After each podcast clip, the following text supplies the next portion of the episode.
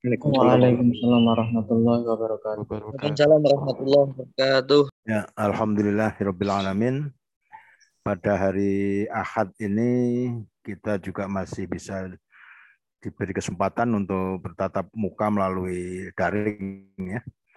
Dan seperti tugas yang sudah disampaikan oleh teman-teman yang lain, kemarin yang tidak hadir kan Fadil ini. Saya nggak ngerti hari ini bagaimana Fadil ini. Siap Ustaz. Siap. Oke, siap Ustaz. Ya, terus yang kedua Habibur Rahman siap. Habibur Rahman. Izin ke belakang tadi, Ustaz. Oh ya, yang ketiga Isa Anafi, siap nggak? Iya, Ustaz. Ya, alhamdulillah. Ya, jadi sekarang eh, menyampaikan makalah ini supaya nanti bisa berbagi dengan yang lain dengan diskusi, maka nanti langsung ke rumusan masalah ya. Rumusan masalah tujuan, kemudian etori, langsung pembahasan dan kesimpulan. Ya, karena ini Fadil kemarin sakit dan alhamdulillah hari ini bisa hadir dan sudah siap. Maka silakan Mas Fadil. Fadil anta. Siap Ustaz.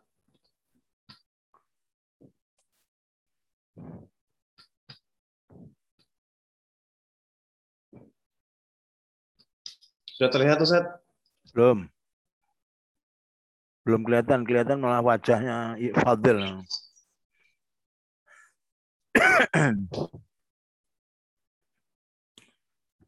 yang kelihatan malah wajahnya yang kelihatan. Nah, ah, sudah, sudah. Sudah, nampak. Ya, alhamdulillah. Ya, bismillahirrahmanirrahim. Alhamdulillah. Salatu wassalamu ala rasulillahi akan menyampaikan makalah yang akan jual beli emas virtual.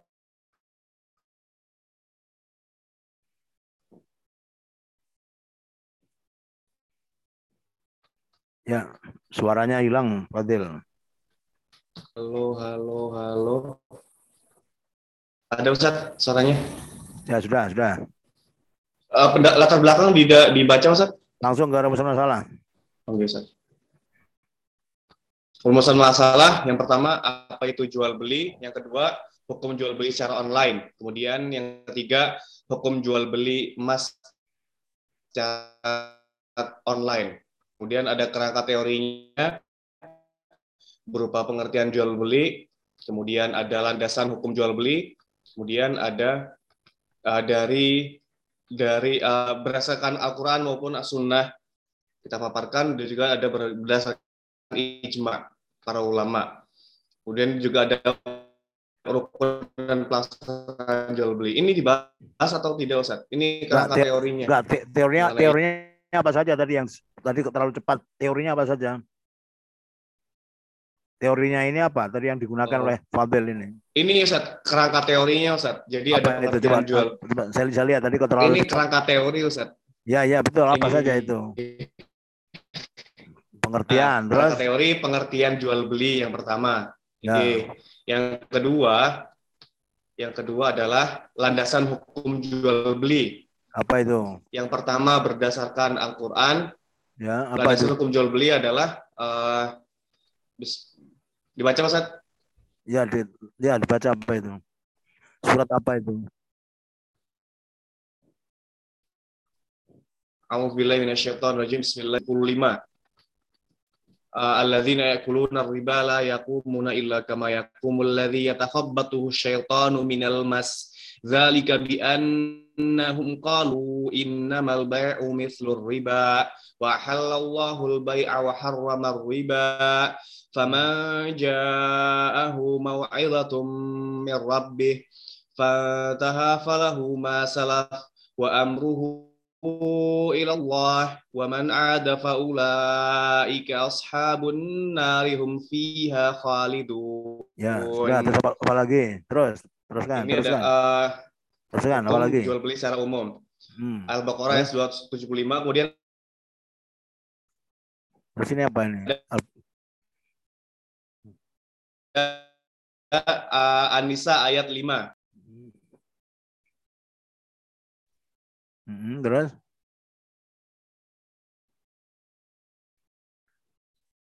Uh, kemudian ada lagi eh, uh, Anisa ayat 29. Yeah. Kemudian itu yang pertama, uh, kerangka hmm. teori berupa uh, yang kerangka teori yang kedua berupa dasar hmm. hukum jual beli. Hmm. Kemudian berdasarkan sunnah Ya, apa itu?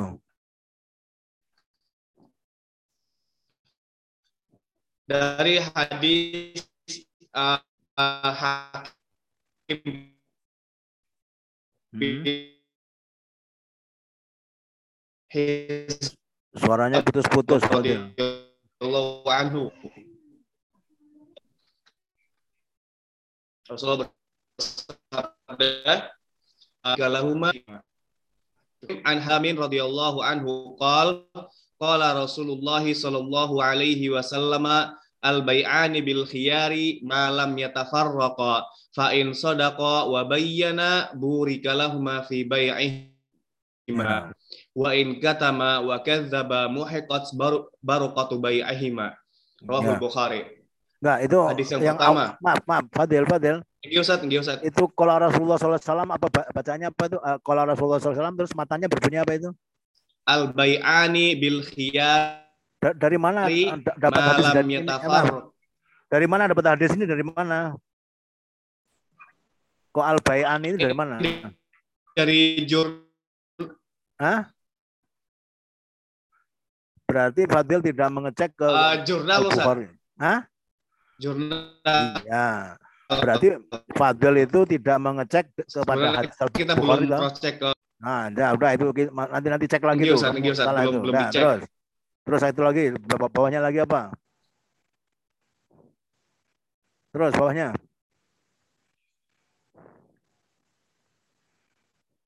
Nah, Ustaz. Ya, terus. Terus Hadis, terus. Ustaz. Dibaca lagi, Ustaz. Enggak usah, enggak usah.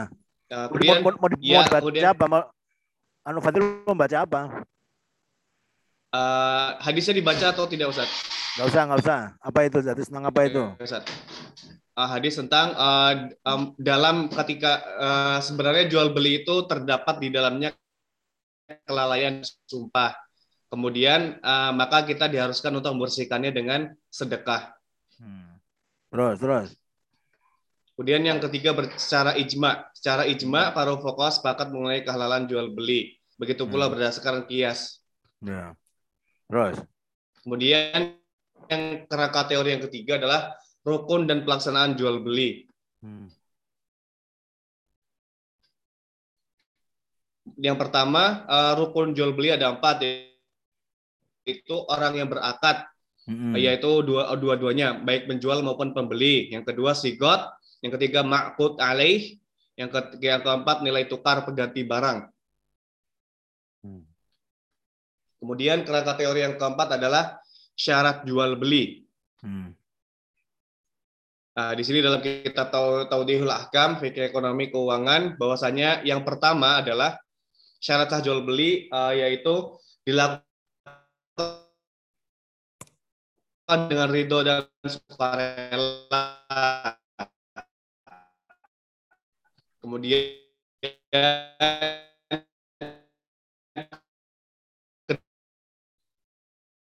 kedua pihak pihak mukallaf dan rasyid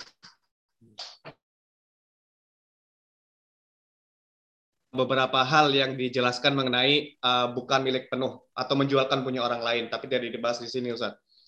Kemudian mengenai yang ketiga mengenai objek barang yang adalah tidak diperbolehkan menyembunyikan aib atau ba- uh, aib barang yang akan diperjualbelikan. Kemudian kita sertakan hadis. Ya, terus. Kemudian kerangka, teo- kerangka teori yang kelima adalah macam-macam jual beli. Pertama, eh, jual beli yang sah menurut hukum dan batal. Kemudian yang kedua, jual beli yang dilihat dari sisi objek jual beli dan dari sisi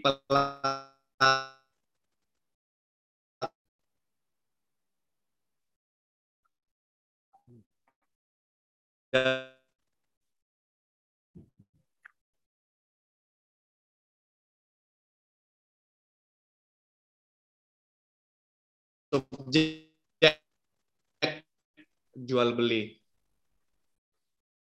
Kemudian ada jual beli yang dilarang hukumnya. Yang pertama itu buah-buahan. Yang ke lima adalah jual beli munabazah, yaitu jual beli. Yang keenam jual beli goror, yaitu jual beli yang samar. Kemudian yang ketujuh seperti uh, yang ketujuh larangan menjual makanan di takar karena ini menunjukkan kurang saling percayainya antara penjual dan pembeli.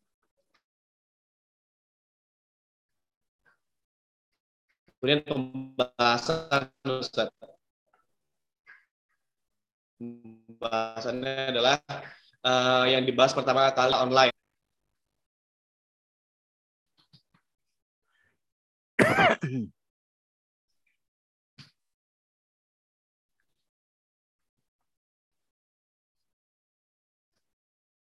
Ini dibaca Ustaz.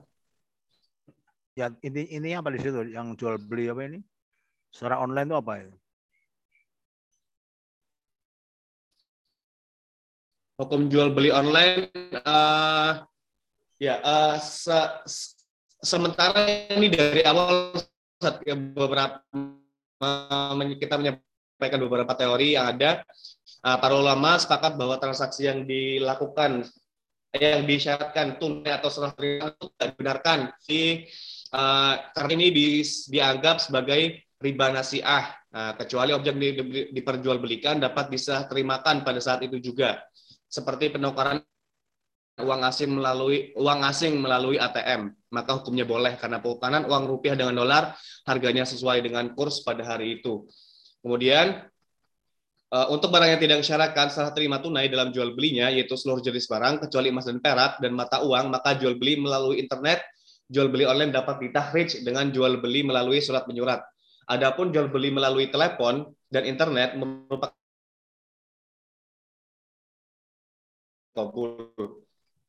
Kemudian tadi Mas Samuel saya kita mengutip yang di atas uh, uh, dari Majma' Al-Fiqih Al-Islami apabila akan terjadi di antara dua orang yang berjauhan tidak berada dalam satu majelis dan pelaku transaksi, satu dengan lainnya tidak saling lihat, tidak saling mendengar rekan transaksinya, rekan transaksinya dan media antara mereka adalah tulisan atau surat atau orang suruhan, Hal ini dapat diterapkan pada faksimil, telex, dan layar komputer atau internet. Maka akan berlangsung dengan sampainya ijab dan kabul kepada masing-masing pihak yang bertransaksi. Bila transaksi berlangsung dalam satu waktu dan kedua pihak kedua belah pihak berada di tempat yang berjauhan, hal ini dapat pada transaksi melalui telepon atau telepon seluler. Maka ijab dan kabul yang terjadi adalah langsung seolah-olah keduanya berada berada dalam suatu tempat. Nah ini saat uh, jadi uh, kita gambarkan ketika transaksi menggunakan internet, penyedia penyedia aplikasi uh, penyediaan aplikasi permohonan barang diisi oleh pihak penjual di website merupakan ijab. Nah dan pengiriman serta pengirim uh, pengisian serta pengiriman aplikasi yang telah diisi oleh pembeli merupakan kobul. Adapun barang hanya dapat dilihat gambarnya serta jelaskan spesifikasinya dengan gamblang dan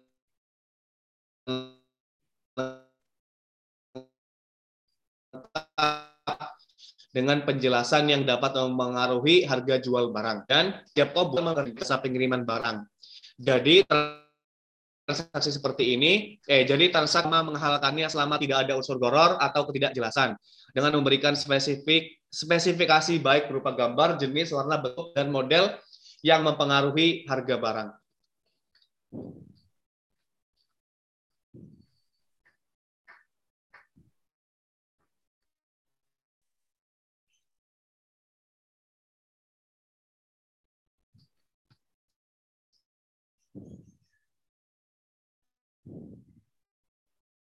Halo, suaranya berhenti. Iya, Ustaz. Terus, silakan, terus. Nah, di beberapa jurnal yang yang kita baca, Ustaz, ada beberapa hal yang dipermasalahkan. Pemilik situs merupakan wakil atau agen dari pemilik barang, jadi bukan pemiliknya langsung. Nah, apabila pemilik situs atau adalah orang yang bukan pemilik barang, namun sudah membuat kesepakatan dengan pemilik barang agar dia diberi kepercayaan, maka uh, hal ini diperbolehkan karena hakikatnya wakil atau agen dari barang uh, hukumnya seperti sama dengan pemilik barang.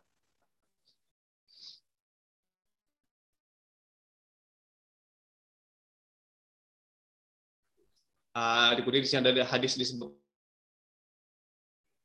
kan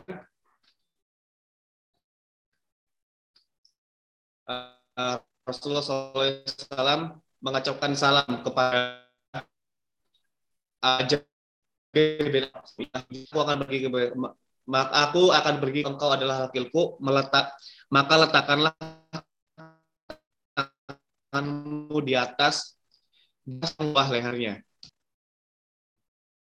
Ya terus terus teruskan hilang ini hilang Ustaz. Tadi keluar sendiri. Ya. ada Ustaz? Ada ada.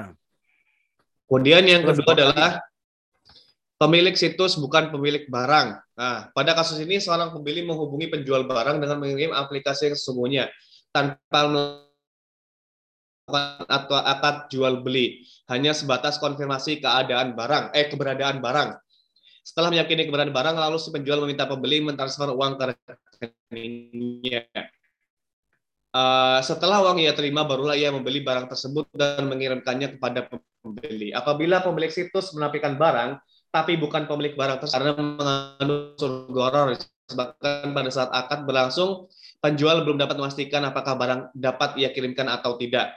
Nah, sebagaimana sabda Nabi yang diriwayatkan oleh Hakim bin Hizam, ia berkata Rasulullah, wahai Rasulullah, seorang datang kepada aku untuk beli suatu barang. Kebetulan barang tersebut sedang tidak kumiliki. Apakah boleh aku menjualnya? Kemudian aku membeli barang yang diinginkan diinginkannya dari pasar. Maka Nabi Shallallahu Alaihi Wasallam menjawab, jangan kau jual barang yang belum kau miliki. Hadis riwayat Abu Daud. Ini oh, dilewati Ustaz. Ini ada ya, yang yang lain-lain apa yang yang problematik apa kalau enggak langsung kesimpulan aja lihat kesimpulannya problematiknya emas Ustaz. Ya, emas Ustaz. Uh, ya, uh, ya, yang pertama, ini apa ini? Oh, kesimpulan. Ini emas Ustaz. Emasnya belum dibahas Ustaz. Ya. Emas ini secara umum, uh, secara umum tidak dijelaskan mengenai uh, mengenai dalil kebolehannya atau kelarangannya dalam Al-Qur'an. Yang ada hanya dalil jual beli secara umum yang tadi yang tadi telah dibacakan itu pada surah Al-Baqarah ayat 275. Nah, terus terus terus terus. Coba lagi terus. Terus lewati ini terus.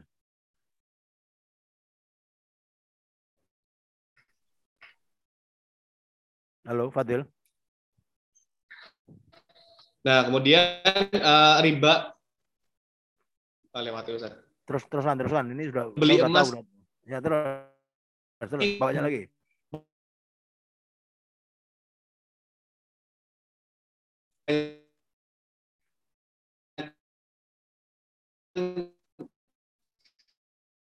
Teruskan, teruskan.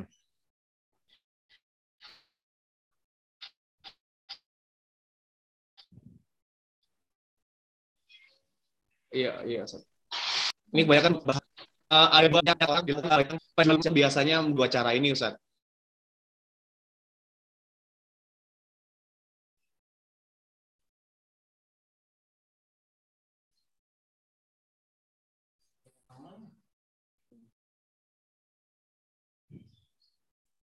Oh, hilang lagi.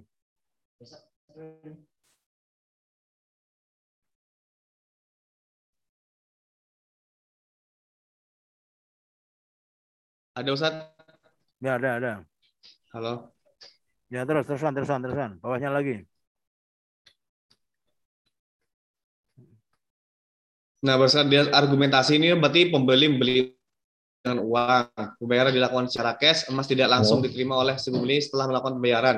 Kemudian yang terakhir, emas diterima dalam hitungan hari setelah pembayaran oleh si pembeli.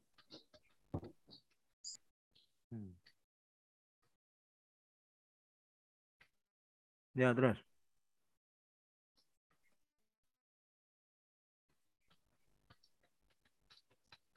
Ya, apa ini? C-nya apa ini?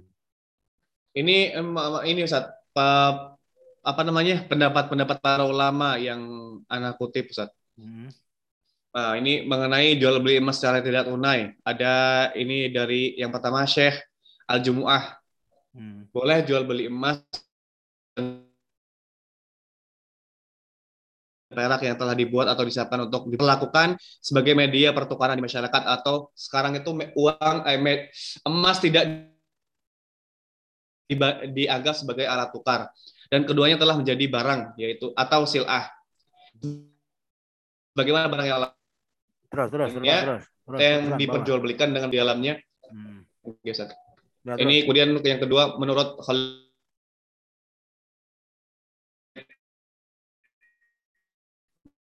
Musleh Hmm.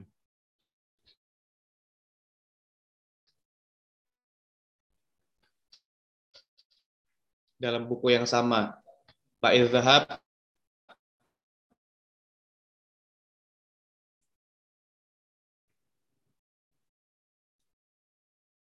Teruskan, teruskan, terus. Bawahnya lagi.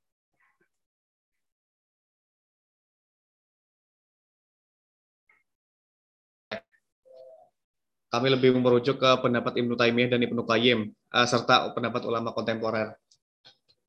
Karena emas sekarang sudah dianggap sebagai silah, bukan sebagai alat tukar. Eh, Melainkan di apa dianggap sebagai barang. Hmm.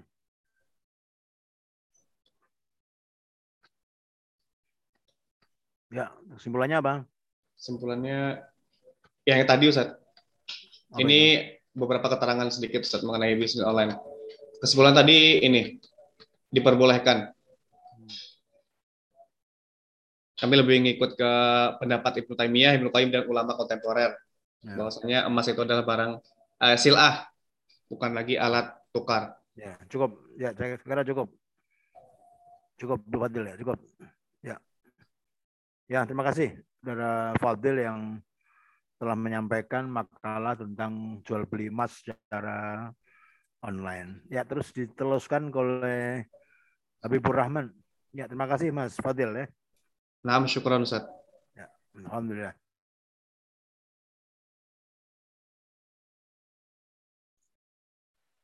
Nah, Ustaz.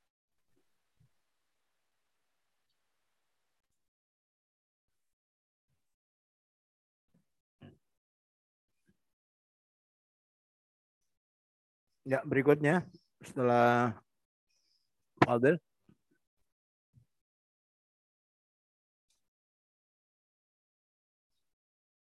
Habib, Oh, sama? Sakit? Habib, Oh ya, Habibur Rahman.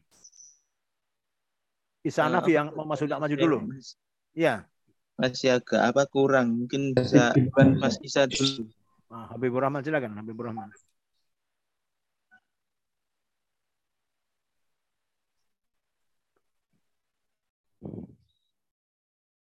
Halo, Habibur Rahman.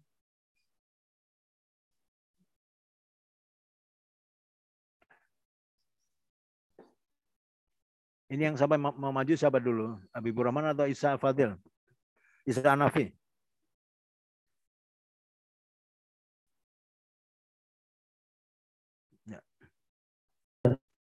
cek sudah terlihat sudah. Oh, sudah, sudah, sudah, sudah. Ya, silakan langsung ke rumusan masalah, Isa. Ya, Ustaz. Rumusan masalahnya, langsung rumusan masalah.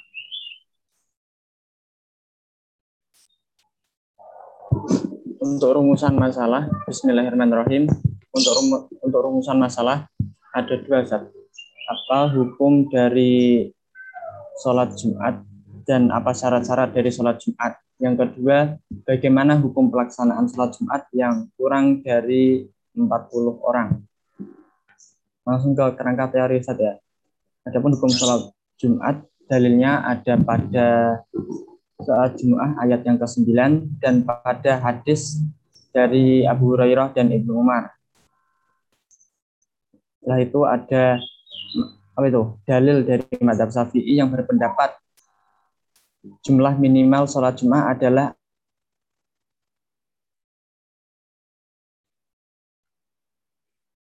empat puluh orang. Dan yang ketiga adalah 12 orang. Dan yang keempat yaitu adalah syarat wajib sholat Jumat ada laki-laki merdeka memayis sehat bermukim. Dan yang kelima syarat sah sholat Jumat yaitu dilaksanakan tepat pada waktunya, dilaksanakan secara berjamaah, dilaksanakan di pemukiman. Dan yang terakhir itu adalah khutbah. Nah, langsung ke pembahasan. Yang pertama, untuk hukum sholat Jumat, langsung ke intinya saja Ustaz ya. Ya, ya. Sholat Jumat adalah sholat yang diwajibkan kepada setiap laki-laki muslim yang dewasa.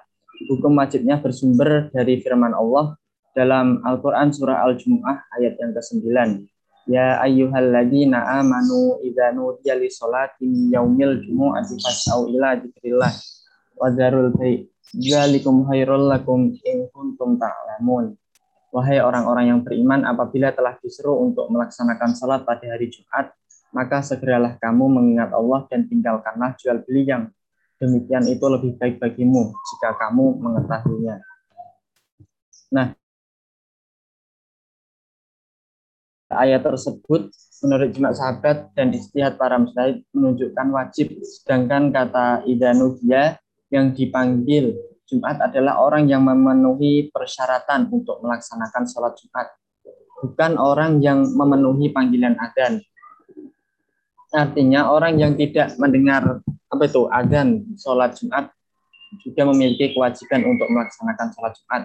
Dan adapun dalil kewajibannya dari hadis yaitu adalah hadatsani Al Hasan bin Ali Al Hulwani, hadatsana Abu Taubah, hadatsana Muawiyah bahwa bin Salamin an Zaid yakni ahahu annahu sami'a Aba Salamin qala hadatsani Al Hakamu bin Mina anna Abdullah bin Umar wa Abu Hurairah hadatsahu annahuma sami'a Rasulullah sallallahu alaihi wasallam yaqulu ala aqwadi minbarihi layan tahiyanna aqwamun anwad ihimul jumu'ati aw layah dimannallahu ala qulubihim thumma layaku nunna minal ghafilin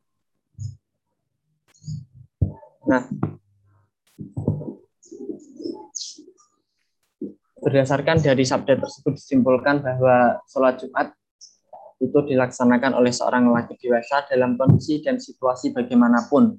Para ulama telah bersepakat mengatakan bahwa hukum sholat Jumat adalah wajib, yakni fardu ain. Dalam kitab Al-Majmu' Syarah Al-Muhaddab, Imam An-Nawawi menulis bahwa kaum muslimin telah sepakat atau menetapkan sholat menutup hukum sholat Jumat dengan wajibnya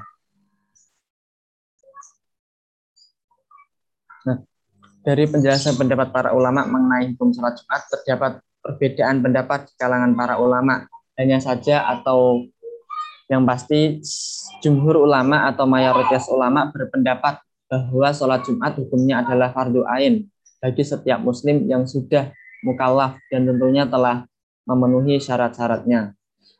B. Adapun syarat-syarat sholat Jumat, yang pertama syarat wajib syarat wajib sholat Jumat yang pertama adalah laki-laki, merupakan salah satu dari syarat wajib sholat Jumat yang telah disepakati oleh para ulama. Yang kedua adalah merdeka. Adapun dalilnya adalah sebagaimana yang dijelaskan oleh madhab maliki, maka tidak wajib bagi hamba, tetapi jika ia menghadiri dan melaksanakannya, maka sholatnya sah. Selain itu, Imam Syafi'i juga berpendapat atau madhab Syafi'i berpendapat salah satu di antara syaratnya adalah seperti yang disebutkan oleh madhab Maliki. Dengan demikian dapat disimpulkan tidak wajib bagi hamba sahaya untuk melaksanakan sholat Jumat. Akan tetapi jika melaksanakannya sah hukumnya. Yang ketiga yaitu adalah mumayyiz setelah balik.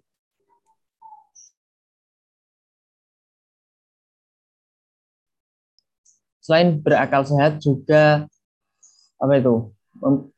Fisiknya itu sehat. Walaupun dalam pengungkapan sehat dalam redaksi-redaksi itu berbeda-beda. Dalam menjadikan sehat itu sebagai salah satu syarat wajib sholat dan yang terakhir dari syarat wajib sholat Jumat adalah bermukim dan yang kedua dari syarat-syarat sholat Jumat, syarat sah sholat Jumat, yaitu dilaksanakan pada tepat waktunya atau seperti pada saat melaksanakan sholat duhur dan dilaksanakan di daerah permukiman dan dilaksanakan secara berjamaah. Pelaksanaan sholat jamaah yang sah sekaligus menjadi salah satu syaratnya dilaksanakan secara berjamaah. Persyaratan tersebut telah disepakati para ulama. Akan tetapi para ulama berbeda pendapat mengenai jumlah jamaah atau jumlah minimal dari jamaah sholat Jumat. Itulah yang masih diperselisihkan para ulama. Dan yang terakhir adalah pada saat pelaksanaan sholat Jumat terdapat khutbah.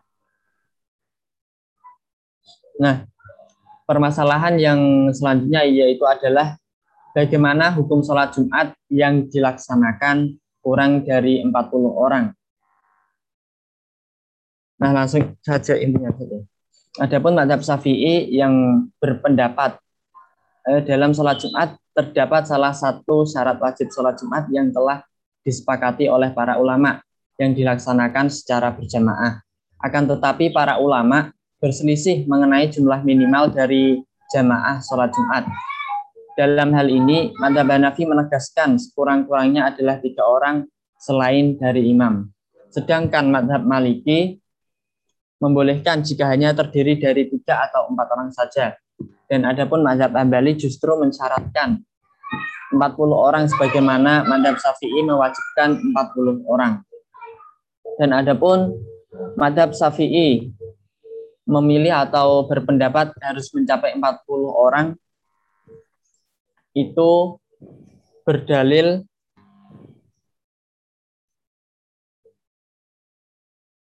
Halo, cek.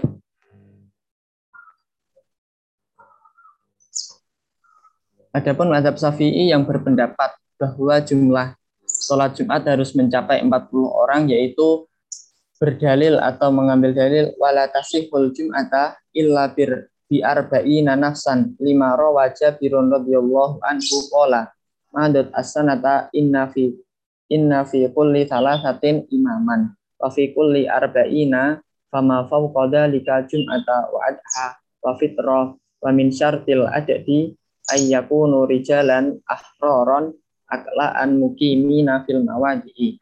Tidak sah sholat Jumat kecuali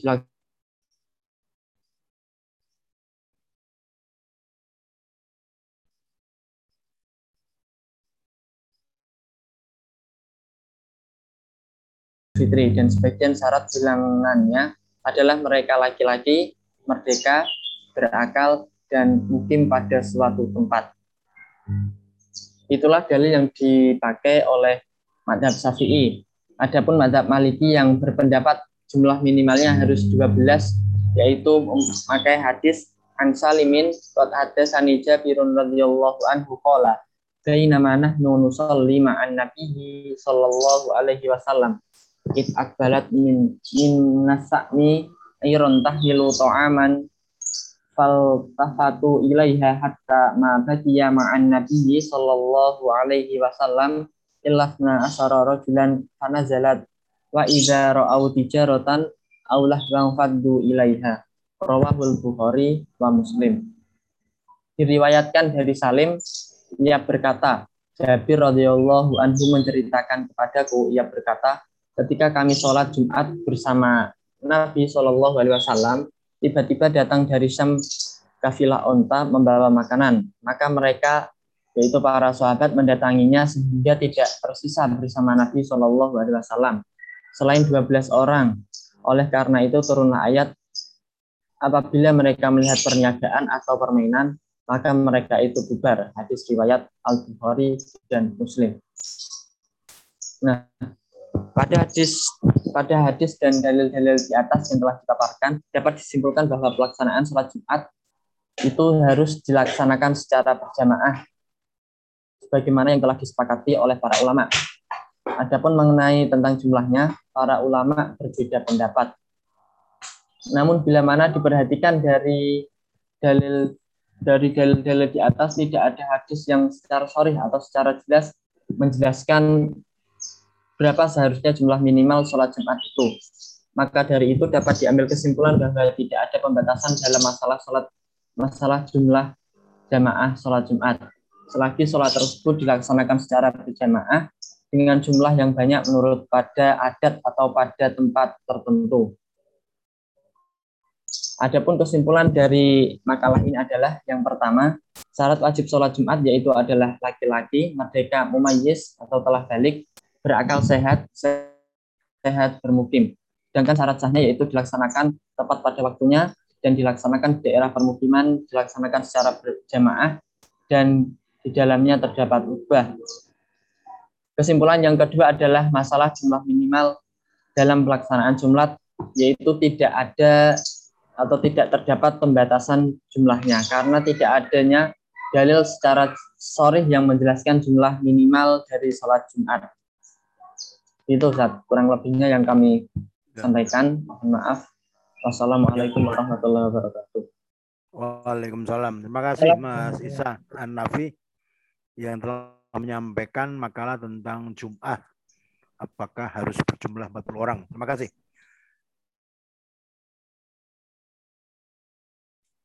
Habibur Rahman.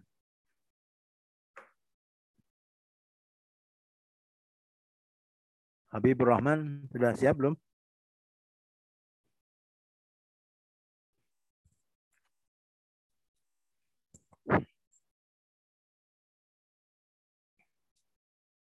Mas Isa ke mana si Habibur Rahman tadi ya? Tadi kelihatannya ada ya orang. Di Zoom ada Ustaz. Ya. Tadi ada orangnya Habib Habib tadi ada.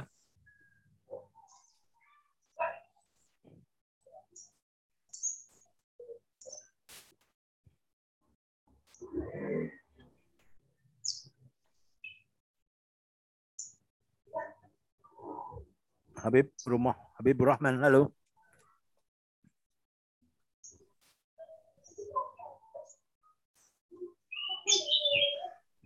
Ya, sementara kita kita tinggalkan dulu. Uh, kita buka beberapa orang untuk menyampaikan hasil pengamatannya terhadap dua makalah ini. Pertama emas secara online dan kedua tentang jumlah jumlah apakah harus 40 orang.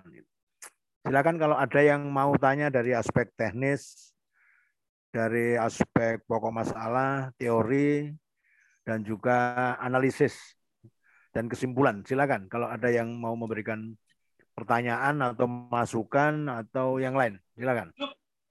Apa Ustadz mau bertanya Ustadz? Ya silakan, Dimas. Uh, mengenai makalahnya punya Mas Fadil. Ya silakan. Berkenaan teknis Ustadz. Hmm, ya silakan. Untuk tadi coba Mas Fadil di share lagi bisa nggak Mas Fadil untuk makalahnya? Hmm. Ya. Silakan Mas Fadil, yang mana tadi yang akan disampaikan? Atau kalau tidak, Dimas masih ingat di mana itu yang? Oh ya, Ustaz. Berkenaan dengan tadi kan pas ketika menjelaskan tentang apa namanya rumusan masalah. Ya. Kan setelahnya kan itu Mas Fadil kan ada langsung ke kerangka teori, tidak yeah. dengan tujuan yeah. masalahnya itu yang oh, pertama. Gitu. Oh, Kemudian, tanpa tujuan ya. Ya. Kemudian yang kedua berkenaan dengan pengutipan hadis. Itu kok tadi enggak dari enggak ada footnote-nya hadisnya oh, apa ya. hadis tadi kan hadis riwayat Bukhari Muslim nah enggak ada nomor berapanya itu. Mungkin ya, itu ya. saja yang saya ya. kritik Ustaz. Ya, terima kasih Mas Dimas. Ada lagi selain Dimas yang mau bertanya? Saya Sat. Silakan. Mau bertanya Sat. Ya, Badrul Mas Badrul ya, silakan. Ke ke Mas Fadil Ustaz. Ya. Tentang pembelian emas secara online. Ya, ya. Misalkan kita membeli emas lalu emas itu dikirim melalui kurir, apa hmm. itu diperbolehkan atau tidak Ustaz? Ya. Ya, syukuran Ustaz. Ya. Terima kasih Badrul ya. Sudah dicatat ya oleh Silakan. Dua dua dulu nanti tidak kebanyakan. Jawab dulu yang dari Dimas dan kedua dari apa namanya dari Mas Badrul Tamam. Ya, silakan. Bismillahirrahmanirrahim. Uh, untuk yang yang pertama ya uh, untuk Mas Dimas tadi kan masalah uh, hadis ya pengutipan footnote uh, penulisan footnote. Uh, memang Ustaz uh, dari artikel kami ini makalah ini uh, belum belum matang 100% Ustaz, masih 80%. Yang pertama itu uh, masalah footnote ada di beberapa hal kayak jurnal itu insya Allah sudah banyak uh, apa footnote-nya sudah kami rincikan. Uh, sedangkan untuk masalah uh, hadis itu belum uh, kami belum sempat merujuk ke L2 Ustaz. Jadi ya. belum sempat menuliskan hadis keberapa, kemudian pada kitab ini gimana, kemudian pada kitab itu bagaimana. Itu yang pertama argumennya. Kemudian yang kedua uh, tujuan tujuan juga uh, kami memang belum belum menuliskannya Ustaz. Ya, ya, ya. ya. Belum ya. Sekarang yang kedua dari apa namanya dari Mas Betul Tamam. Apa tadi? Uh, pen, penulisan uh, pengiriman emas oh. melalui kurir. Ya. Uh, sebenarnya uh, yang kami uh, yang uh, secara umum ya, secara umum di sini itu uh, ini adalah emas virtual. Jadi uh, Mas Badru di sini adalah yang dibahas adalah emas virtual, bukan emas fisik yang nanti akan dikirim menuju menuju uh, yang dapat yang akan didapatkan oleh pelanggannya. Jadi hmm. bahasa itu kayak di Indonesia itu sudah ada namanya aplikasi dinaran contohnya. Nah, jadi seakan-akan uh, kita itu punya saldo berupa emas emasnya berapa gram. Nah, tapi itu adalah bentuk virtual gitu loh. Kalau nanti mau dicetak, uh, itu nanti ada bank emasnya. Begitu. Uh, untuk masalah pengiriman emas melalui kurir itu sementara pada makalah kami tidak tidak terbahas Ustaz. Kami belum ya. mendapatkan juga dalam jurnal-jurnal yang telah kami teliti, belum dapat Ustaz masalah uh, pengiriman emas melalui kurir. Ya. Syukron Ustaz. Ya, terima kasih. Ada lagi selain dari Dimas dan Badru Tamam, ada yang bertanya lagi? Ya. Apakah Habibur Rahman sudah siap? Habibur Rahman. Apa anu ya sinyal hilang kok hilang sekarang sinyal Ustaz tadi sinyal oh ya ya silakan yang lain kalau ada lagi pertanyaan? Soalnya anda mau tanya sendiri Ustaz. Ya apa itu? Uh, begini Ustaz. Uh, ini kan makalah. Makalah Ustaz. Uh, untuk penulisan apa penulisan apa? Penulisan ini Ustaz. Uh, penulisan Rasulullah yang penulisan Rasulullah eh, yang Shallallahu Alaihi Wasallamnya Ustaz. Untuk yeah. begini apakah diboleh, diperbolehkan Ustaz? Karena kan di Word itu mikro ini Ustaz. Nanti bakal otomatis jadi seperti ini. Oh iya, ya itu kan. Nah ini ini apakah kira-kira termasuk yang itu sudah sebenarnya sudah sudah dibahas di dalam fatwa tarjih kemarin di fatwa sudah ada ini mengenai penulisan SAW atau harus komplit itu sudah dibahas kemarin. You, belum lama ini, tapi belum masuk ke suara Muhammadiyah mungkin. Thank Ustaz. Ini sudah dibahas kemarin tentang uh. penulisan ini. Ya. Atau saya beri nah, masukan ini, dulu. Ini aja. kan, uh, ini ini kan termasuknya uh, lengkap ya Ustaz ya lengkap ya, ya Ustaz. Itu, nah, itu lengkap itu ya. Uh, ini kan uh, uh, anak tuh uh, kami tuh sebenarnya tidak mempermasalahkan disingkat atau tidaknya Ustaz. Jadi penulisan ini apakah diterima di artikel Ustaz? Begitu. Apakah kalau, ini nanti di... Ya kalau di nanti di ketika menjawab fatwa tarjih memang selama ini kita menggunakan SAW ya. Kalau Shallallahu Alaihi Wasallam seolah-olah itu hanya copy paste dari internet. Memang itu lebih bagus, cuma sementara ini di tarjih sering kali disinyalir wah itu langsung copy paste dari internet sehingga nulisnya itu Rasulullah Shallallahu Alaihi Wasallam. Padahal bagus itu. Tapi kemudian seolah-olah di tarjih itu di anu seolah begitu. Oke, saya memberikan masukan dulu aja ya, yang Fadil ya. Ya. Nah, Ustaz. Ya. Uh, setelah saya lihat pokok masalahnya kok kayaknya kurang menggigit ya. Pokok masalahnya itu loh. Rumusan masalahnya. Jadi kalau rumusan masalah itu nggak usah perlu apakah apakah itu jual beli, apakah itu nggak itu sudah karena itu sudah jadi maklum semua. Yang sekarang yang langsung jadi masalah adalah bagaimana hukum menjual emas secara online. Itu yang penting. Pertanyaannya itu saja. Bagaimana hukum menjual emas secara online? Yang lain-lain itu karena sudah sudah maklum itu karena sudah dalam kitab sudah ada itu.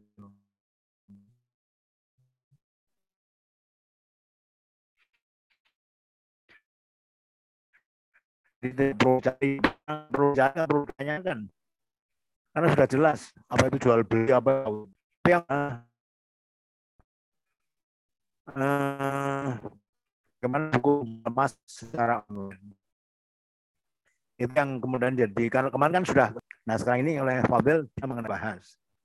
Nah jadi pertanyaannya cukup apa itu hukum menjual emas secara online satu. Yang teorinya yang kemudian uh, Fadil kelihatannya kurang fokus ya. Kurang fokus, jual beli emasnya kurang fokus secara online ini. Ya memang pertama uh,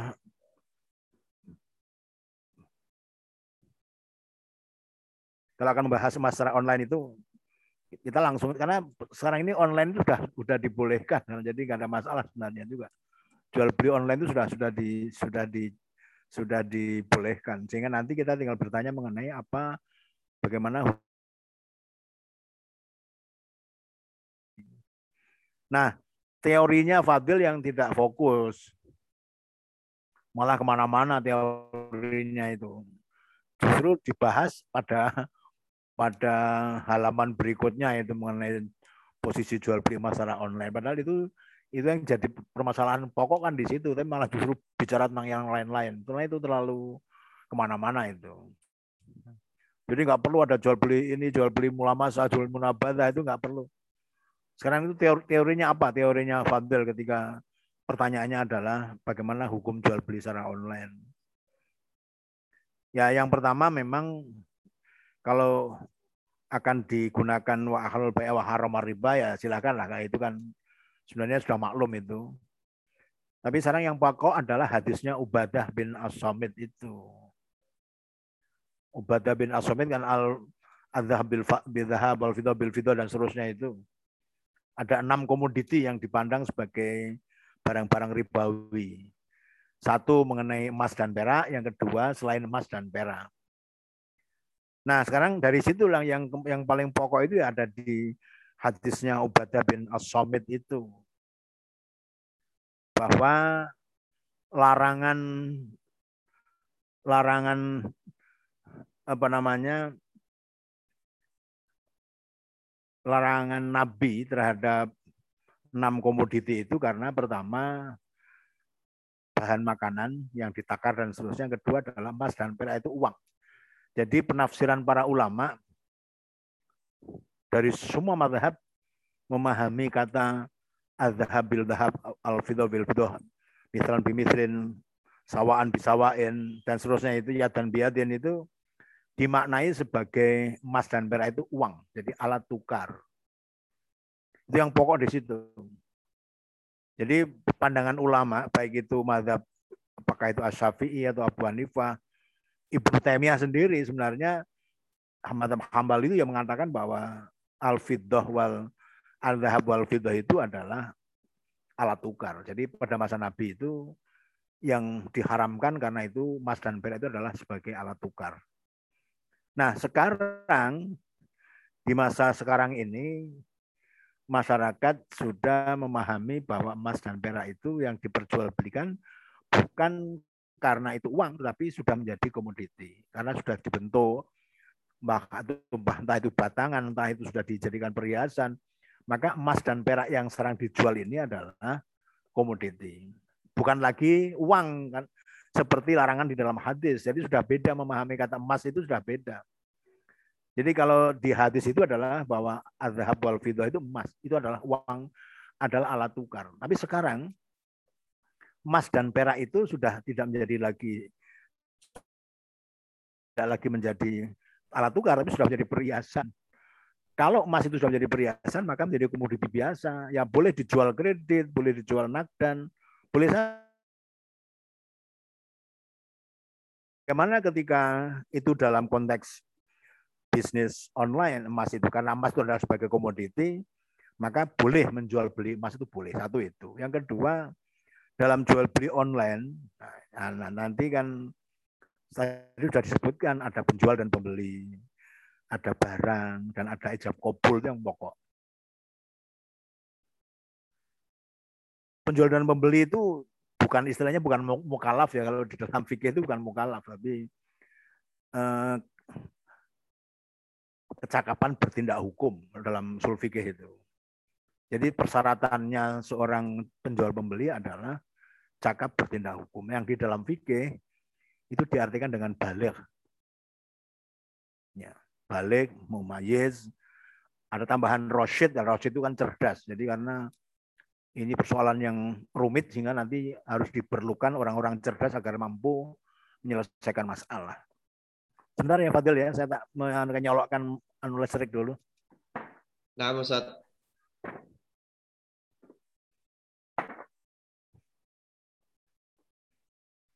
Jadi pembahasannya Fadil itu apa namanya? Eh, jadi tidak sistematis. Jadi akhirnya tidak fokus kepada pembahasan emas secara online. Malah justru malah jual beli ke mana-mana. Jadi itu nggak perlu yang awal itu nggak perlu.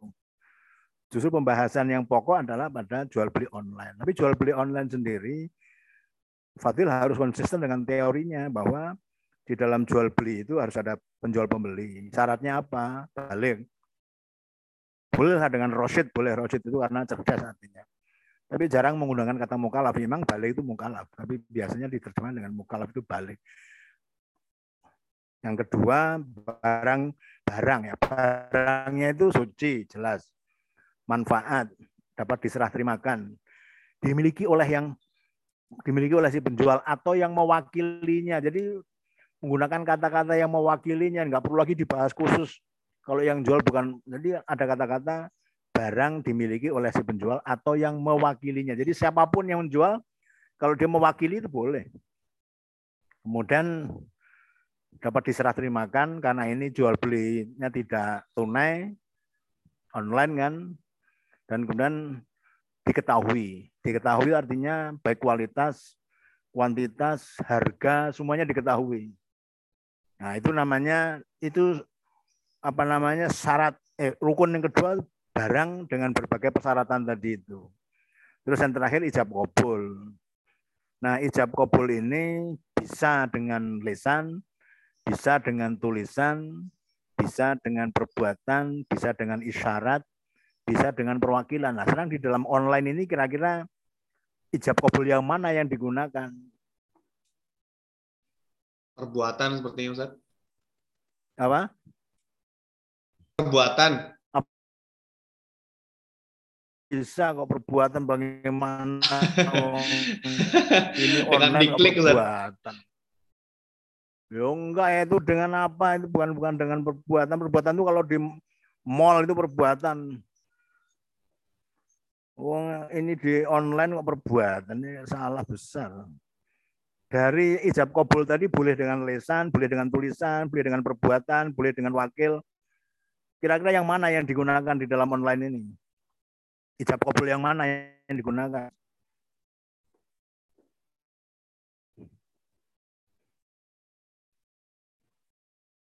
Nah, ijab kabul yang mana yang digunakan?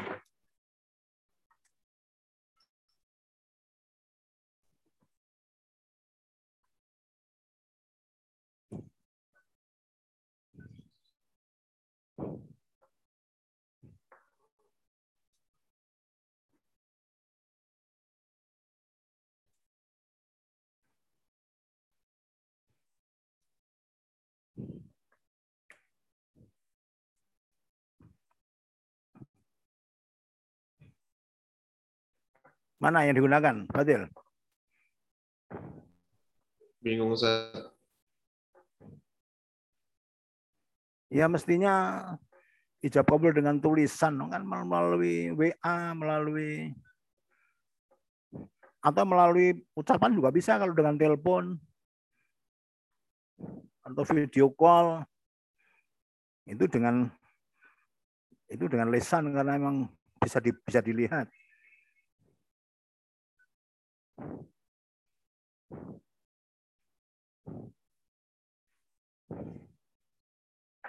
Ya, jadi bisa saja dengan tulisan kalau itu dengan WA kita pakai WA, pakai SMS itu dengan tulisan.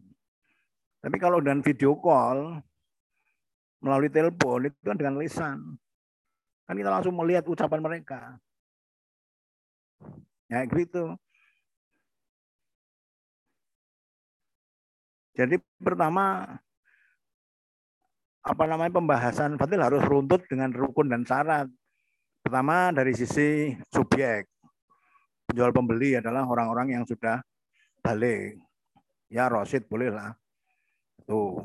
Nah, jelas pembeli yang ada di dalam online itu jelas orangnya adalah orang-orang yang sudah balik. Yang kedua dari sisi barang barangnya jelas suci ya, karena kita menjual sesuatu yang suci, bukan dari yang najis atau yang lain. Kemudian dapat diserah terimakan dan jelas kan dapat diserah terimakan, barang ini bisa diserah terimakan. Dan dimiliki oleh yang menjual atau yang mewakilinya. Jadi nggak usah dibahas khusus mengenai tadi ada yang jual yang mewakili tadi itu.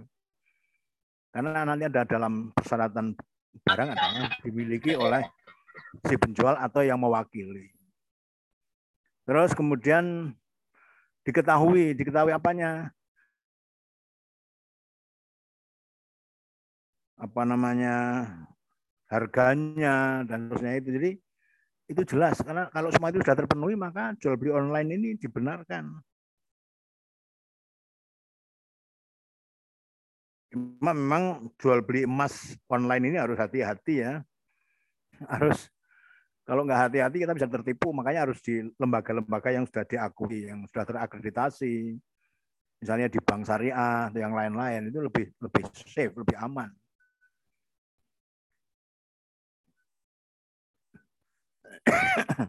ya, begitu.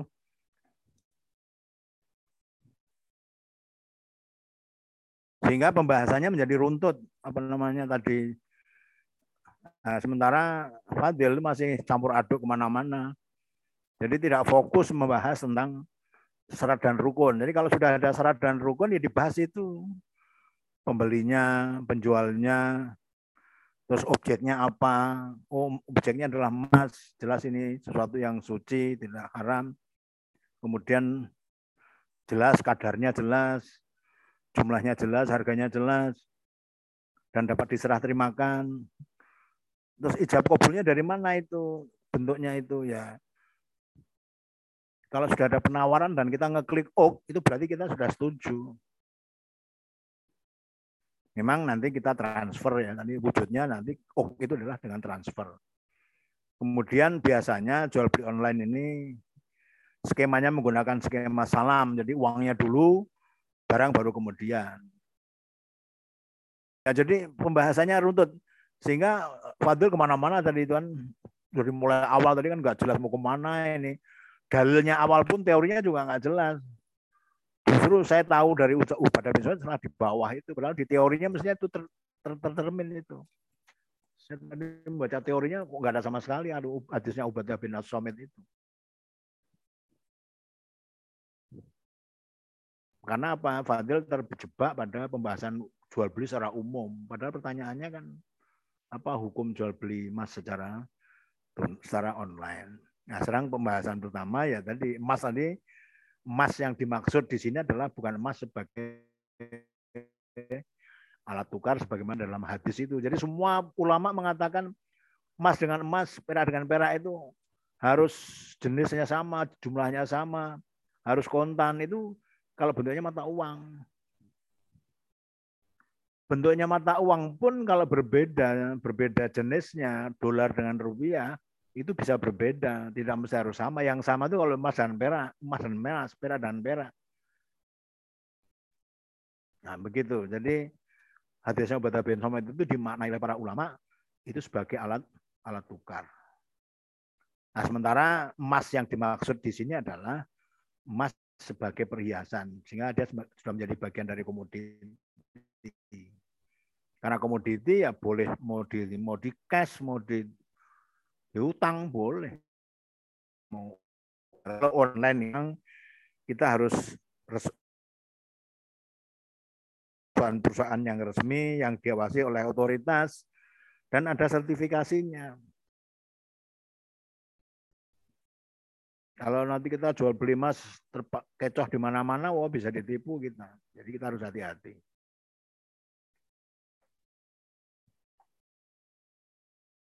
Ya itu. Itu yang apa namanya yang yang fadil ya. Jadi yang awal itu dihapus saja itu nggak perlu dibahas. Iya Ustaz, iya Ustaz. Jual beli nanti ke mana-mana tidak, tidak fokus ke, dan teorinya pun ya sebenarnya ya hadis yang pokok ya hadisnya Ubadah bin Asomit itu.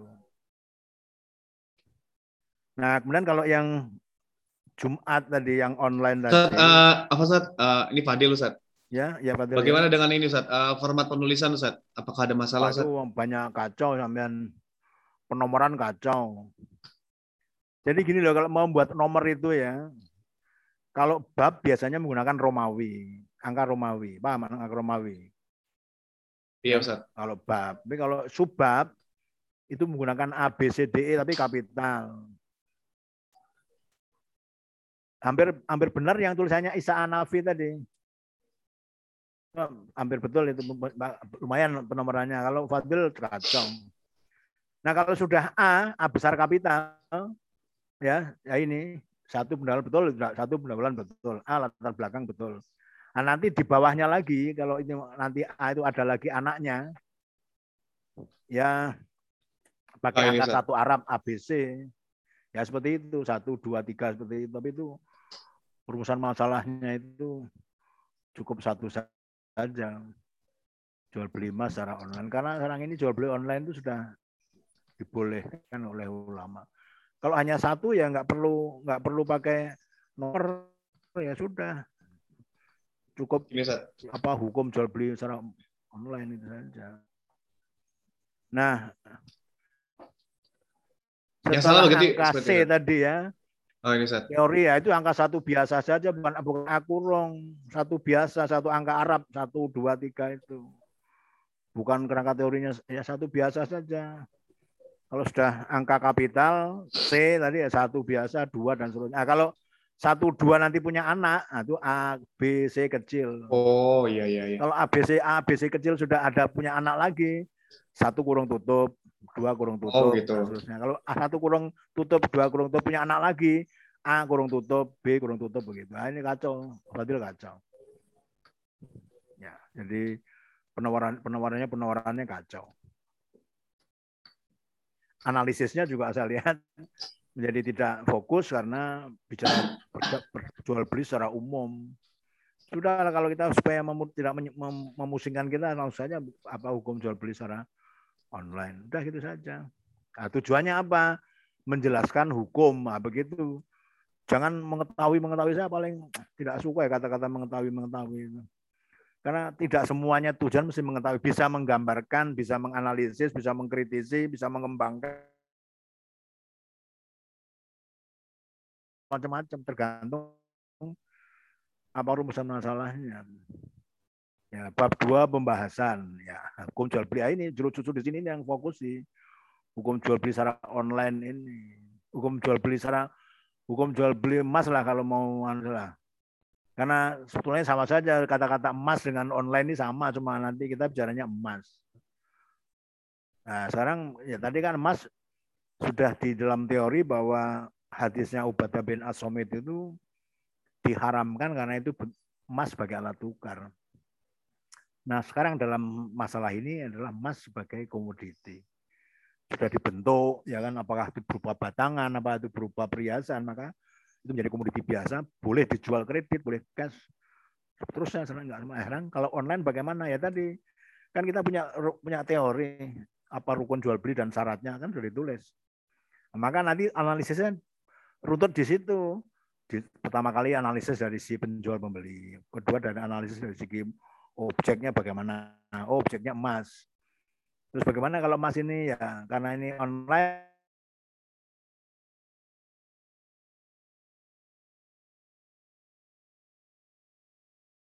Ya harus diserah dapat serah terimakan diketahui. Iya.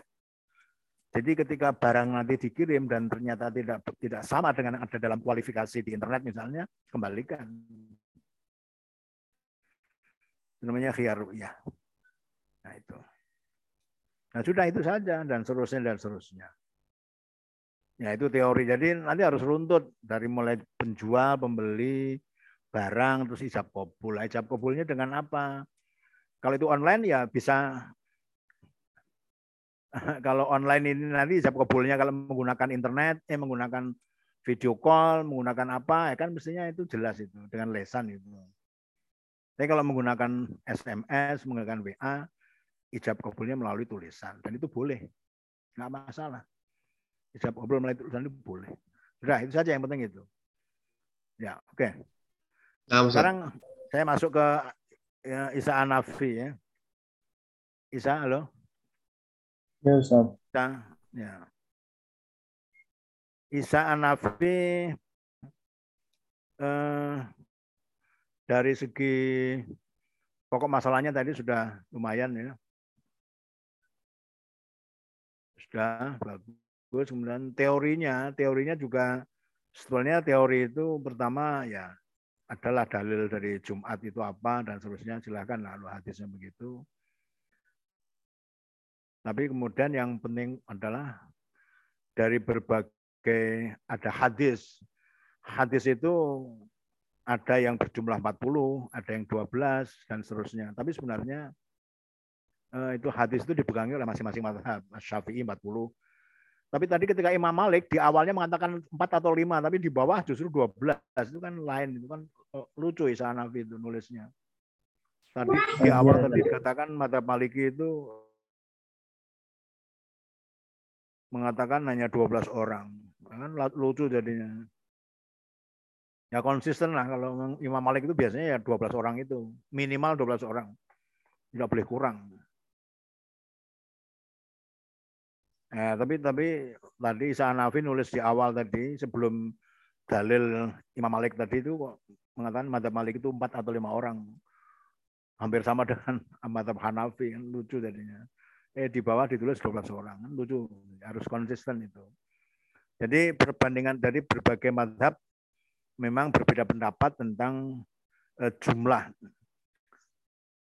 Tetapi secara umum, nah sekarang begini, kalau Insan Nafi akan bertanya eh, apa yang melatar belakangi perbedaan para ulama di dalam jumlah sholat Jumat misalnya gitu. Terus nanti kedua, apakah sholat Jumat itu kurang dari 40 itu tidak sah misalnya. Jadi bisa juga dua pertanyaan. Yang pertama bertanya mengenai apa yang melatar belakangi perbedaan pendapat ulama tentang jumlah jamaah sholat Jumat dan kedua eh, bagaimana hukum sholat Jumat yang kurang dari 40 orang. Nah, kalau yang melatar belakangi perbedaan itu ya perbedaan pertama mem memaknai arti arti Jum'ah itu adalah sesuatu yang harus secara jamaah. Nah, secara jamaah ini berbeda pendapat. Kalau mata Hanafi kata-kata jamaah itu ya minimal tiga lah. Dikatakan jamaah tiga. Tapi kalau mata Maliki itu kan 12 orang. Nah, dalilnya tadi itu hadis tadi itu. Terus madhab, madhab Syafi'i itu 40 orang. Itu dari Jabir itu. Tapi ternyata hadisnya Jabir yang mengatakan 40 orang itu dinilai tidak sah sebagai hujah oleh Al-Baihaqi. Yaitu dikritik itu hadis Jabir yang mengatakan 40 orang Jumat itu itu dikritik karena itu tidak sah sebagai dalil hujah ini. Nah,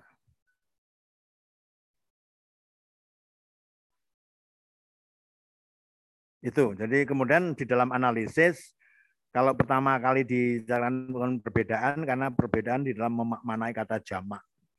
Madhab Hanafi tiga orang, Madhab Maliki 12 orang karena dengan hadis di situ. Terus kalau Madhab Syafi'i itu 40 orang yang dipegang oleh oleh Syafi'i, tapi itu oleh Al-Bayhaqi dikritik. Nah, kemudian nanti apa namanya uh, Isa Hanafi mungkin tidak pernah melihat HPT, tidak pernah melihat tanya jawab agama, jadi ya jadi kurang akhirnya kurang memahami padahal itu sudah pernah dibahas di dalam fatwa-fatwa yang ada di Tarjih gitu. Baik di HPT maupun di karena kita Muhammadiyah mestinya ya ya akrab lah dengan HPT, akrab dengan tanya jawab agama supaya nanti bisa menjawab dengan baik apa ini sudah ada atau belum. Sebenarnya sudah. supaya nanti tahu bahwa itu khilafiyah, empat orang itu khilafiyah. Nah, sementara nanti di dalam HBT kita menggunakan riwayatnya Ka'ab bin Malik. Ini mengenai Jadi hadisnya Ka'ab bin Malik bahwa sholat Jumat pertama kali dibagi itu tidak ada batas minimal. Sehingga secara pasti sholat Jumat itu harus berjamaah, tetapi tidak ada batas minimum yang disebutkan oleh hadis-hadis itu. Nah ini nanti dasarnya adalah hadisnya Torik bin Syihab dari Abu Dawud di HPT itu ada itu. Jadi itu itu saja yang dibahas nanti hanya itu. Ya, ini Habibur Rahman sudah datang? Halo Habibur Rahman. Habib. Habib ada enggak?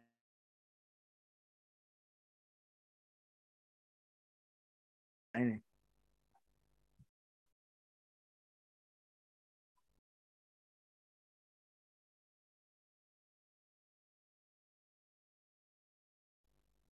Habib ada nggak?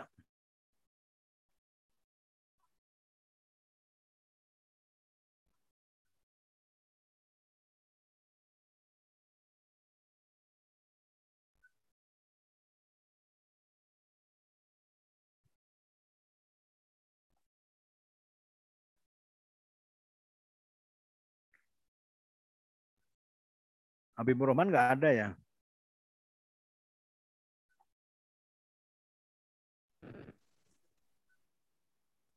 Ada Ustaz kalau di ini Ya? daftar.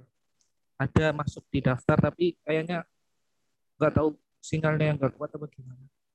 Sinyalnya ya, oke. Ya, jadi ya nanti wah kalau begini nanti jadi lama terus ini kalau nggak ada nggak ada ada gini.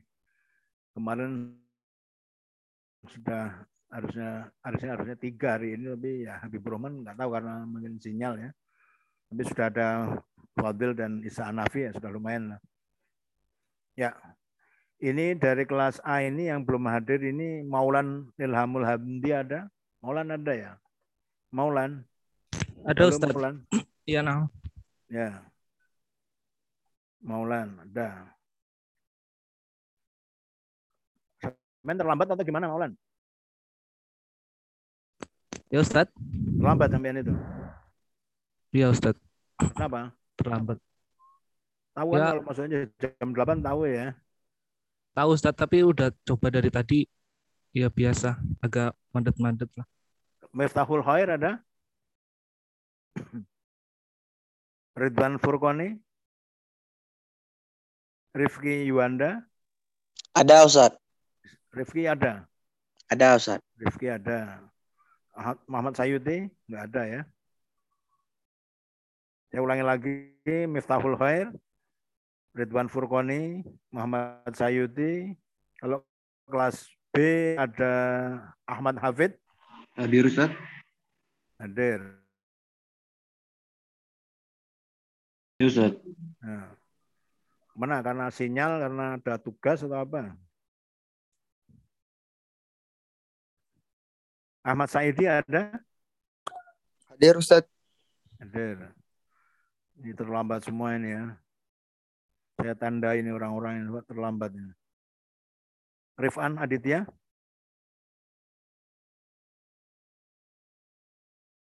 Ya. Eh, begini, eh, semuanya ya, karena seperti saya sudah nge-share di grup itu, hari Ahad tanggal 12 itu pagi itu saya ada tugas untuk tausiah manten. ya.